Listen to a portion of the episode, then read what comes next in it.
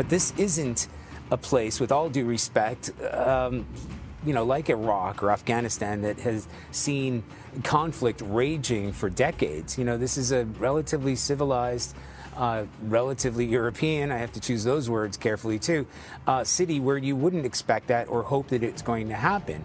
So it's partly human nature, but they're not. التغطية الإعلامية لبعض وسائل الإعلام للحرب الروسية الأوكرانية أثارت حفيظة ناشطين في توصيفات اللاجئين وكيف ينظر الغرب لهذه المعركة مقارنة بمثيلاتها. رؤيا بودكاست. الحديث أكثر حول هذا الموضوع. أرحب بضيف الأستاذ سعد حتى الخبير الإعلامي. مساء الخير أستاذ سعد. يسعد مساك والأخوة المستمعين. وأيضا أهلا بك. أرحب بمدير مركز ثقافة آه، آه، آه، روسيا الأستاذ مسلم شعيتو. مساء الخير أستاذ مسلم. أهلا مساء الخيرات. أهلا بك. أبدأ منك أستاذ سعد. وأنا يعني استعرضت مقطع. وكان هناك مزيد من المقاطع في التوصيفات للاجئين الأوكرانيين. إن صح توصيفهم بلاجئين والمقارنة بالعراق وأفغانستان. واليوم السؤال تقييمك للتغطية الاعلاميه العالمية لما يحدث في بين أوكرانيا وروسيا؟ آه، جميع الأطراف ارتكبت أخطاء. روسيا أوكرانيا وحتى الإعلام الغربي. يمكن هاي هي الحرب الأولى آه، القارية أو شبه الكونية اللي تنشب بمعادلات مختلفة وأدوات توصيل ونقل ونشر وبث مختلفة عن السابق كيف الأخطاء تحدث؟ هناك محاذير في التغطية الإعلامية، محاذير أول شيء لازم الإعلامي لازم يكون هو مجهز وماخذ دورات في البيئة النز- بيئة النزاعات وغير ذلك من آه، آه، الدورات. آه، محاذير في التنميط، محاذير في المصطلحات، محاذير في المصادر، في عندنا صحفيين كثير بيكونوا journalists, journalists فبالتالي embedded بده يكون موجود في جهة غير محايدة يأخذ منها الأخبار وهي المصدر الوحيد للمعلومات التي يحصل عليها أو تحصل عليها الصحفية.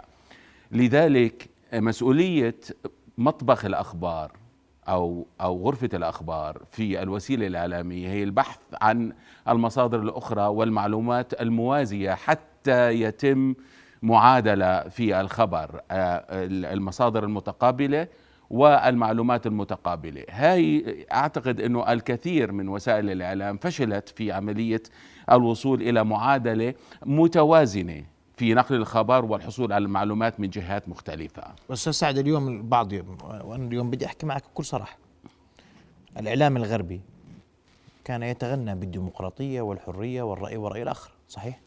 100% هذا الكلام اليوم موجود في الأحداث في فلسطين في العراق في أفغانستان.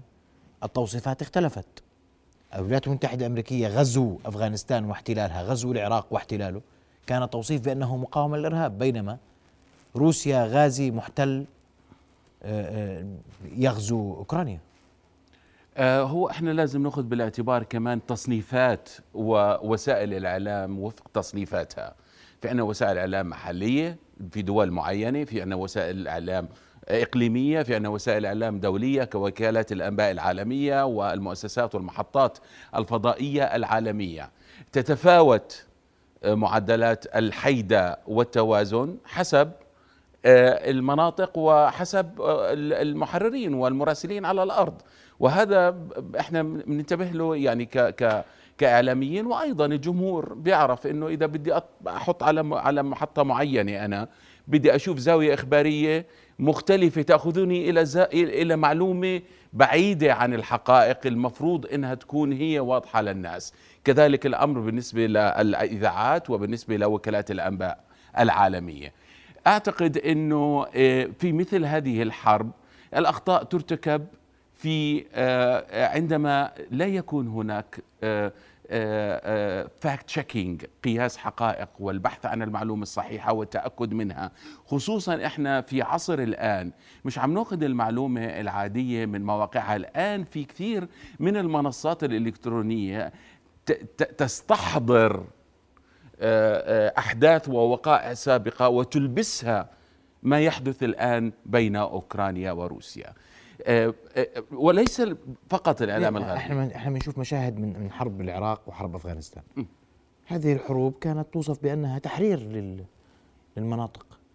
آه، مصلحة عليا للدول التي خاضت الحرب ومنها بريطانيا اللي اليوم تتغنى ب- بعقوباتها ضد روسيا لأنها دخلت أوكرانيا. لم نشهد مثل هذه العقوبات على الولايات المتحدة الأمريكية وبريطانيا. ليس. بالمناسبة محمد ليس جميع ال- المحطات كانت تتحدث عن تحرير. آه، تتذكر أن كنا كوسائل إعلام أنا كنت مثلا مع التايم magazine أو مع البي بي سي في ذلك الوقت آه، آه، أسميناها غزوا. وهذا وهذا المصطلح الذي أطلقته الأمم المتحدة بعد أسابيع من الغزو العراقي على آه، sorry الغزو الأمري الغربي بدعم أمريكي أو أو برعاية أمريكية على العراق. الآن ننظر إلى روسيا. روسيا آه، هددت عشر وسائل إعلام روسية باستخدام مصطلحات غير محايدة. ممنوع تحكي هجوم ممنوع تحكي غزو ممنوع تحكي آه، بل يطلق تطلق عليها روسيا هي عملية خاصة داخل أوكرانيا. وكذلك الأمر بالنسبة لاوكرانيا أوكرانيا منعت ثلاث وسائل إعلام آه، آه، تابعة لمتمول روسي آه، من الاستمرار في بث الأخبار. أنا أتحدث عن أو ما نلاحظه الآن عن أخطاء بالجملة من كل الاتجاهات. عملية آه، قطع بث سبوتنيك وراشا 24 RT. بأي حق هذا يحدث؟ عندما أنت تريد أن توصل رسالتك ودع الجمهور المتلقي هو الذي يحكم. أين تكمن الحقيقة أو جزء من الحقيقة؟ لا يمكن قول كل الحقيقة وإنما الحد الأدنى من المعلومات التي تصل إلى الجمهور من دون information و misinformation التضليل الإعلامي الذي يحدث الآن. إحنا لاحظنا أن الحرب بدأت إعلاميا قبل أن تبدأ على الأرض. واضح. أستاذ مسلم أسمع وجهة نظرك. يعني التوصيفات. الإعلام- أهلا بك. التوصيفات مساء الخير. نعم. أهلا بك. التوصيفات الإعلامية الحديث عن التغطيات الإعلامية المختلفة غزو لأوكرانيا عملية خاصة لأوكرانيا في أوكرانيا آه، احتلال أوكرانيا آه، مصالح روسية. العالم اختلف في تعاطيه مع هذه الأزمات وحتى اختلف في تسمية اللاجئين ولم يقارنهم بلاجئين سوريين ولاجئين عراقيين ولاجئين يمنيين ولاجئين من كل دول الشرق الأوسط وحتى من من من دول آسيا كأفغانستان لم يقارنوا. هؤلاء لاجئون من نوع مختلف من حالة مختلفة. وجهة نظرك. إيه، مساء الخير لك ولمشاهدينك ولضيفك الكريم. أم، يعني الإعلام هو آه، أحد أدوات الحروب التي تخاض ما بين المتصارعين على الساحة الدولية أو على الساحات الإقليمية. كان تاريخيا هكذا عبر آه، آه، الوسائل المتواضعة سابقا ومنها الإشاعات والخبريات. ووصل إلى أن يكون آه، كثيفا وسريعا وشاملا مع تطور التقنيات. لكن كل ذلك لا يمنع من أن الإعلام هو يمثل طرفا يحاول الدفاع عن وجهة نظره إن كان عسكريا كما يفعل الجيوش إن كان اقتصاديا كما حاليا تفعل الدول الأوروبية وإن كان إعلاميا. لكن للأسف هنا آه، يعني آه، تتلبس آه، الدول الغربية تحديدا شعار الديمقراطية والحرية. وللأسف معها أغلب الإعلام العربي وتمارس أبشع أنواع التحريف والكذب. نؤمن أنها لها نظريتها نعم هي ضد روسيا. لكن أن تستعمل تحريف وقلب الحقائق فأعتقد أن ذلك يجب أن لا يطلق عليها صفة الديمقراطية. يطلب عليها صفة الإيديولوجيا أنها تحمل فكرا معين ضد دولة معينة وهي تحاول آه، تشويه صورتها. إلى أن وصل الأمر يعني كما لاحظنا حتى في الإعلام لم يستطيعوا إثبات ما هم يريدون إثباته. يستعملون صور من فلسطين ويدعون أنها في أوكرانيا. يستعملون صور في الصين ويدعون أنها في خاركوف. يستعملون صور للقتلى والجرحى في دانيسك ويقولون أنها في كييف. إذا أنت أمام آه، حالة جديدة في العلاقات الدولية الإعلامية. للأسف الإعلام الغربي ومن يتبعه من الدول العربية هو يشكل أكثر من 90% من الفضاء الإعلامي العالمي. حكما ومعهم وسائل التواصل السريعة لكن الإعلام الروسي ومن يصادقه لا يشكل إلا النسبة القليلة جدا. وممكن القول أن بذلك هي خسارة لأحد وسائل الحرب التي تستعمل عادة في في في الحرب الإعلامية. لم تفشل وسائل الإعلام بأن تكون موضوعية لأنها تمتلك إيديولوجيا وعندما تمتلك إيديولوجيا تدافع عنها وتحرف كما المحامي يستطيع أن ينقذ المجرم كما يستطيع أن ينقذ الضحية. ليست المشكلة بالمراسلين ولا المشكلة بالمحررين المشكلة بالممول والإيديولوجيا التي يحملها. إذا يجب أن ننظر إلى هذه المسألة من هذا المنظار. ليست كارثة لكنها أحد الأدوات يجب أن تستعد لها كل الدول وتستعد لها يعني خاصة من سيلعب دورا أو يطمح أو يرغب أن يلعب دورا ليس إقليميا إنما عالميا. يجب أن يمتلك هذه يعني هذا التوجه الإيديولوجي لكي نعم. يستطيع أن يدافع عن نظريته. واضح أستاذ مسلم. أعود لك أستاذ سعد وهنا موضوع ادعاءات الديمقراطية والحرية الإعلامية والرأي والرأي الآخر. حتى في وسائل التواصل الاجتماعي تقييد آه، آه، لبعض وسائل التواصل الاجتماعي في مناطق عن مناطق أخرى. اليوم في تساؤل كبير عن الحرية الإعلامية هل هي شعار نرفعه فقط أم أنها حقيقة نمارس على الأرض؟ آه، قبل ما أجيب عن هذا السؤال فضل. بدي كلام مهم حكاه الأستاذ في في موسكو اظن شيء. آه نعم. سانت بطرسبرغ الإعلام الغربي يسيطر تقريبا على 90% من الفضاء الاعلامي العالمي تقريبا. يعني هو ما ذكر والرواية الروسية لم تصل آه، إلى الناس. يعني هل من يعرف بأنه عندما غورباتشوف آه، آه، تفكك الاتحاد السوفيتي قبل حوالي 20 سنة أو أكثر 30 سنة الآن كان في هناك تعهدات غربية خصوصا أمريكية بأن لا يقترب الغرب من المجال الحيوي لروسيا.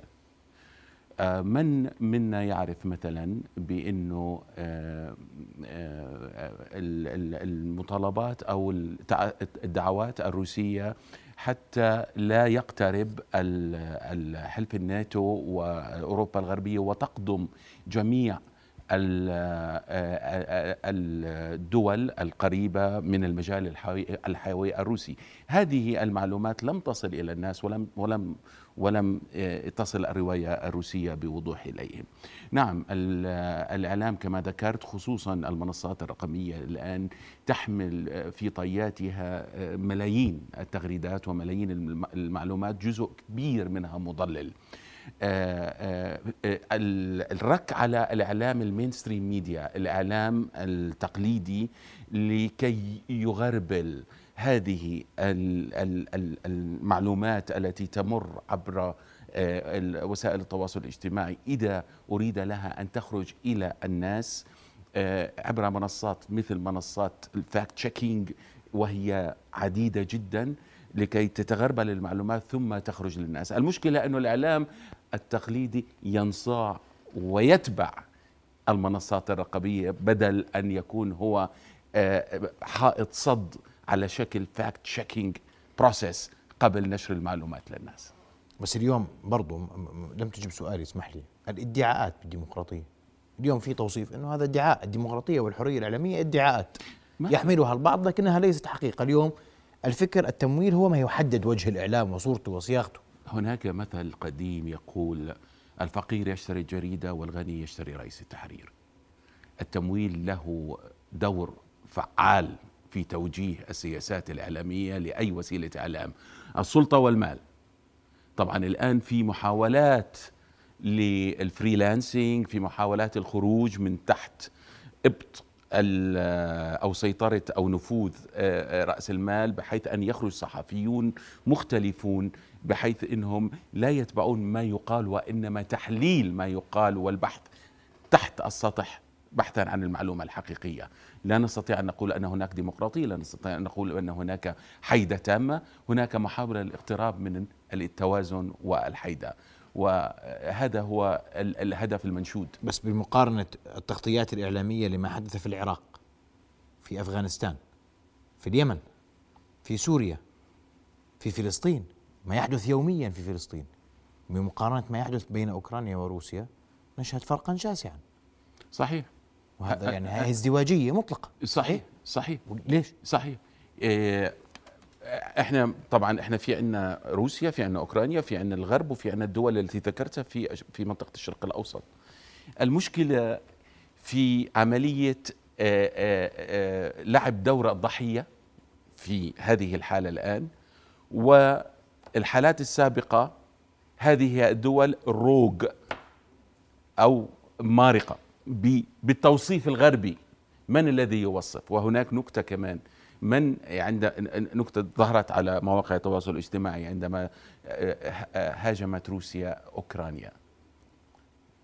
كيف كيف تنظر إليها ومن أي زاوية؟ إذا كانت روسيا فهي اعتداء وغزو وهجوم وبلطجة. لكن إذا كانت أمريكا في ليبيا في العراق في سوريا و و والى آخره فهذا هو تحرير وهذا هو محاولة لنقل الديمقراطية إلى هذه البلدان. طبعا هناك كيل بمكيالين وهناك ليس في الإعلام وحده. الإعلام هو مرآة للسياسات والأيديولوجيات في معظم الأحيان. لذلك هي الإعلام هو يبرز حالة الازدواجية وحالة الكيل بالمكيالين في هذه في هذا العالم الذي نعيش. نعم. أشكرك كل الشكر أستاذ سعد حتر الخبير الإعلامي شكرا جزيلا رؤيا بودكاست.